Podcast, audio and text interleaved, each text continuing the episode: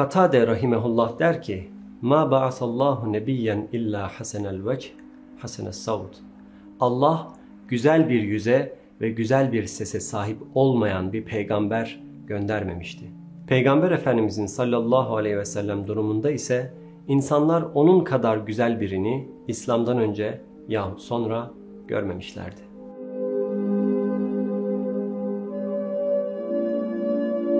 Bazı insanlar için güzel dış görünüş, çirkin karakterleriyle doğrudan doğruya bağlantılıdır. Efendimizin sallallahu aleyhi ve sellem durumunda ise dış görünüşünün güzel olmasının yanında Allah'ın onu özellikle övdüğü karakteri çok daha güzeldi. Abdullah bin Ravaha radıyallahu anh Peygamber Efendimiz sallallahu aleyhi ve sellemin varlığını şu şekilde tanımlar. Der ki eğer ki Peygamber Efendimizin sallallahu aleyhi ve sellem o anki varlığı dışında başka hiçbir şeyi olmasaydı, hiçbir şey bildirmeseydi ve hiçbir şey söylemeseydi dahi ona baktığınızda ilahi bir güzelliğe sahip olduğunu hemen anlardınız. Zaten bu yüzden sadece Peygamber Efendimiz sallallahu aleyhi ve selleme bakarak İslam'ı kabul etmiş insanların anlattığı hayat hikayelerini duyarsınız. Peygamber Efendimiz sallallahu aleyhi ve sellem gelmeden önce Medine'nin o zamanki baş hahamı olan Abdullah bin Selam radıyallahu anh dışarı çıkıp Peygamber Efendimiz sallallahu aleyhi ve sellemi görmeye gittiğinde sadece bir cümleyle onu anlattı. Dedi ki ona baktım ve leyse bi veci kezzab bu yüzde kesinlikle yalan yoktur deyiverdim. Peygamber Efendimiz sallallahu aleyhi ve sellem şemail kitaplarında tepeden tırnağa betimlenmiştir. Ve en sık tanımlanma yollarından biri de aydan daha güzel olmasıydı. Olağanüstü bir görünüşü vardı ve bu kitaplarda geçen betimlemeye göre onun yüzü en karanlık gecedeki dolunaydan daha ışıl ışıl ve daha güzeldi. Ve çölde dolunayın ne kadar muhteşem, insanı kendine hayran eden ve şaşırtan bir görüntü olduğunu düşündüğünüzde Enes bin Malik radıyallahu anh'ın bu husustaki sözlerini daha iyi anlayabiliriz. Diyor ki, öyle bir gece gelmişti ki cidden Efendimizin yüzüyle Dolunay'ı karşılaştırmak istemiştim. Önce Dolunay'a baktım, daha sonra Peygamber Efendimiz sallallahu aleyhi ve sellemin yüzüne baktım ve kendime sordum hangisi daha çok ışık saçıyor? Ve Peygamber Efendimiz sallallahu aleyhi ve sellemin çöldeki dolunaydan daha güzel ve daha ışıl ışıl olduğunu fark ettim. Ve onun hakkındaki sallallahu aleyhi ve sellem diğer her şey, her özelliği mükemmel bir dengeye sahipti. Kur'an'da Hazreti Cebrail'in Hazreti Meryem'e göründüğü formdan bahsedince beşeran seviyye yani çok dengeli, kusursuzca simetrik bir erkek olarak anlatılır. İşte Peygamber Efendimiz sallallahu aleyhi ve sellem de böyle kusursuz bir dengeye sahipti. Ne çok uzun ne de çok kısaydı. Cilt rengi ne çok açık tonlu ne de çok koyu tonluydu. Cildi azharul laun, parlak bir cilt ten rengine sahipti ama beyaz manasında bir parlaklık değil. Yüzü ne çok yuvarlak ne de çok dardı. Fakat ikisinden birine daha yakın olacaksa yüzü yuvarlak olmaya daha yakındı. Eğer Peygamber Efendimiz sallallahu aleyhi ve selleme bakıyor olsaydınız yapacağınız ilk şey gözleriyle bir bağ kurmak olacaktı. Ve Ümmü Abad radıyallahu anha diyor ki sallallahu aleyhi ve sellemin gözleri mükemmel bir kontrasta sahipti. Gözlerinin siyahı son derece siyah ve beyazı da son derece beyazdı. Kirpikleri uzun ve gözlerinin doğal bir sürmesi vardı ve kirpiklerinin üzerinde genellikle gözyaşlarından gelen bir nem olurdu. Efendimiz sallallahu aleyhi ve sellem geniş, kavisli ve gür kaşlara sahipti ve kaşları neredeyse birleşiklerdi ama aralarında güzel bir boşluk bulunurdu. Belirgin bir alna sahip olduğu şeklinde betimlenirdi ve alnında sadece üzülüp kızdığında belli olan bir damar ortaya çıkardı. Burnuna gelince Efendimiz Aleyhisselatü Vesselam'ın burnu ne çok düzdü ne de çok sivriydi. Aksine güzel bir biçimde meyillenen bir buruna sahipti ve burnunun ucu eşi benzeri olmayan titrek bir parıldamaya sahipti. Öyle bir parıltı ki ondan uzaktayken burnunun gerçekte olduğundan büyük olduğunu zannedebilirdiniz. Ama ona yaklaştığınızda burnunu belirgin hale getiren şeyin onun üzerindeki parıltı olduğunu anlardınız. O sallallahu aleyhi ve sellem ağzını açtığında dişlerinin kusursuz bir şekilde dizili olduğunu fark ederdiniz. Her gün en az beş kez dişlerini misvakladığını biliyoruz. Öyle ki aleyhissalatü vesselamın dişlerinin dolu taneleri kadar beyaz olduğu söylenirdi ve üst üste yığılmış halde değillerdi. Öyle peş peşe dizilmişlerdi ki dişlerinin arasında çok ince, hoş bir çizgi vardı. Ağzı genişti ve mükemmel bir telaffuza sahip olduğu tasvir edilirdi. Sözleri çok net ve etkileyiciydi. Söylediği her şeyi tane tane duyabilirdiniz. Ses tonunun melodik bir ahengi vardı ve doğal bir yankıya sahipti sallallahu aleyhi ve sellem. Saçları diğer bütün özellikleri gibi mükemmelce beliriyordu. Ne çok düzdü ne de kıvırcıktı. Dalgalı bir saçı vardı. Efendimiz sallallahu aleyhi ve sellem saçlarını bazen kulak memesi hizasında tutardı. Bazen de omuzlarına kadar uzamalarına izin verirdi. Ve tabii ki hac ve umre zamanlarında başını kazırdı.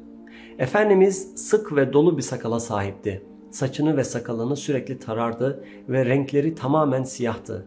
Vefatı sırasında sahabeler 14 ila 20 arasında gri saç ve sakal tanesi sayabilmişlerdi.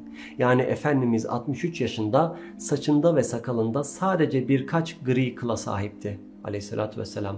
Peygamberimiz saç ve sakalı için faydalı yağlar da kullanırdı.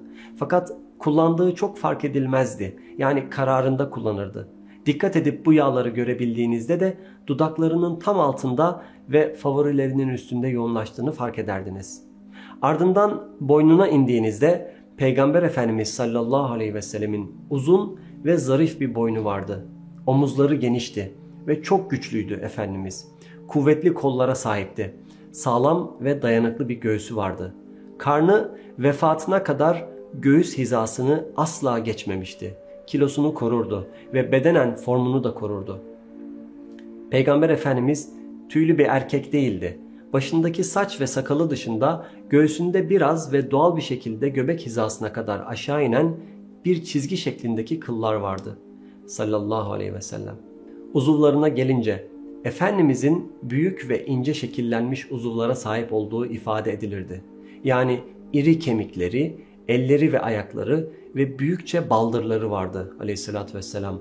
Baldırlarının mükemmel bir şekilde yuvarlak olduğu ve ayak topuğuna asla ekstra ağırlık düşmediği de ayrıca belirtiliyor. Ve belinden aşağıda kalan vücudu da öyle güçlüydü ki bir ata yahut deveye eğer yardımı olmadan zıplayarak binebiliyordu. Hazreti Hasan radıyallahu anh'ın Peygamber Efendimiz sallallahu aleyhi ve sellemi andırdığı söylendiğinde vücudunun belden yukarı olan üst kısmına yani güzelliğine benzediğini anlıyoruz. Hazreti Hüseyin radıyallahu anh içinse Peygamber Efendimiz sallallahu aleyhi ve selleme belden aşağı olan alt vücut kısmının andırdığı söylenirdi. Bunun nedeni ise onun gücü ve kuvvetiydi. Hazreti Hüseyin radıyallahu anh dedesi sallallahu aleyhi ve sellem gibi savaşçıydı. Buna rağmen savaşçı olmasına rağmen Enes bin Malik radıyallahu anh derdi ki Peygamber Efendimiz sallallahu aleyhi ve sellemin elleri ve ayakları ipekten bile yumuşacıktı. Su döküldüğünde elleri ve ayaklarından kayarcasına düşerdi. Ve öyle güzel bir vücut kokusu vardı ki sanki tatlı bir parfüm terlerdi. Efendimizle tokalaştığınızda onun kokusunu günler sonra bile elinizde koklayabilirdiniz. Ve o sallallahu aleyhi ve sellem ağız kokusuna çok dikkat ederdi. Çok güzel bir nefese sahipti. Efendimiz'i uzaktan gördüğünüzde dış görünüşü sizi etkilerdi ve size yakınlaştığında sizi öyle bir şekilde etkisi altına alırdı ki ona dikkatlice bakamazdınız. Yani gözlerinizi ona dikemezdiniz. Ebu Umare el-Bera radıyallahu anh diyor ki bir gece dışarıya çıktım ve Peygamber Efendimiz sallallahu aleyhi ve sellemi o kırmızı giysisinin içinde gördüm. Vallahi ben Efendimiz aleyhissalatü vesselamın o geceki görünüşünden daha güzel bir manzara hayatımda hiç görmedim. Ve Yemen'den gelme o kırmızı kıyafeti özel zamanlarda giydiği, en sevdiği giysilerden biriydi. Yine Ebu Hureyre radıyallahu an bir anısını anlatırken diyor ki Peygamber Efendimiz sallallahu aleyhi ve sellemi gördüğümde kusursuz bir şekilde duruyordu. Sanki kalıba dökülmüş gümüşten gibiydi.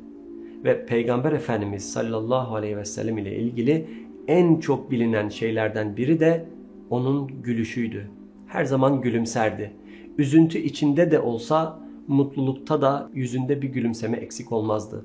Kan bin Malik radıyallahu an o mutluyken yüzü daha ışıl ışıl neşe saçardı der sallallahu aleyhi ve sellem. Peki nasıl oluyor da Peygamber Efendimiz sallallahu aleyhi ve sellem bu kadar gülümsemesine rağmen mütevasilel ahzan yani sürekli hüzün içinde olarak tasvir edilirdi. Ezdaimel fikra derin düşünceler içinde leyse lehu raha hiçbir zaman rahat yüzü görmedi Efendimiz. Her zaman çok ağır bir yük taşıyordu. Bunu ancak Efendimizin Kur'an'da övülen karakteriyle açıklayabiliriz. Bazı insanlar kendi yüklerini öyle güzel taşırlar ki onlar için agniya yani kendi kendilerine yeten, problemler sarmalı içinde bile olsa kilitlenmeyen insanlar olarak görürsünüz. Efendimiz de ümmeti için böyle bir duruş sergiliyordu. Evet zorluklar vardı ama gülümsemek bir sadaka ve bir hayır işidir Efendimizin deyişiyle. Bu ümmete onun gibi gülümseyen, onun kadar gülümseyen bir başka kişi daha yoktu ama aynı zamanda Peygamber Efendimiz sallallahu aleyhi ve sellem'den fazla ümmeti için onun kadar ağlayan başka bir insan da yoktu. Yani gün içinde insanları neşelendirmek için, onlara moral vermek için ve gönüllerine sevgi tohumları atmak için onlara gülümserdi ve bu onun cömertliğinden geliyordu ve gece boyunca Rabbinin önünde ümmetine sevinç, mutluluk ve ferah getirmesi için onun kadar, ondan daha fazla ağlayan başka bir insan da olmadı sallallahu aleyhi ve sellem.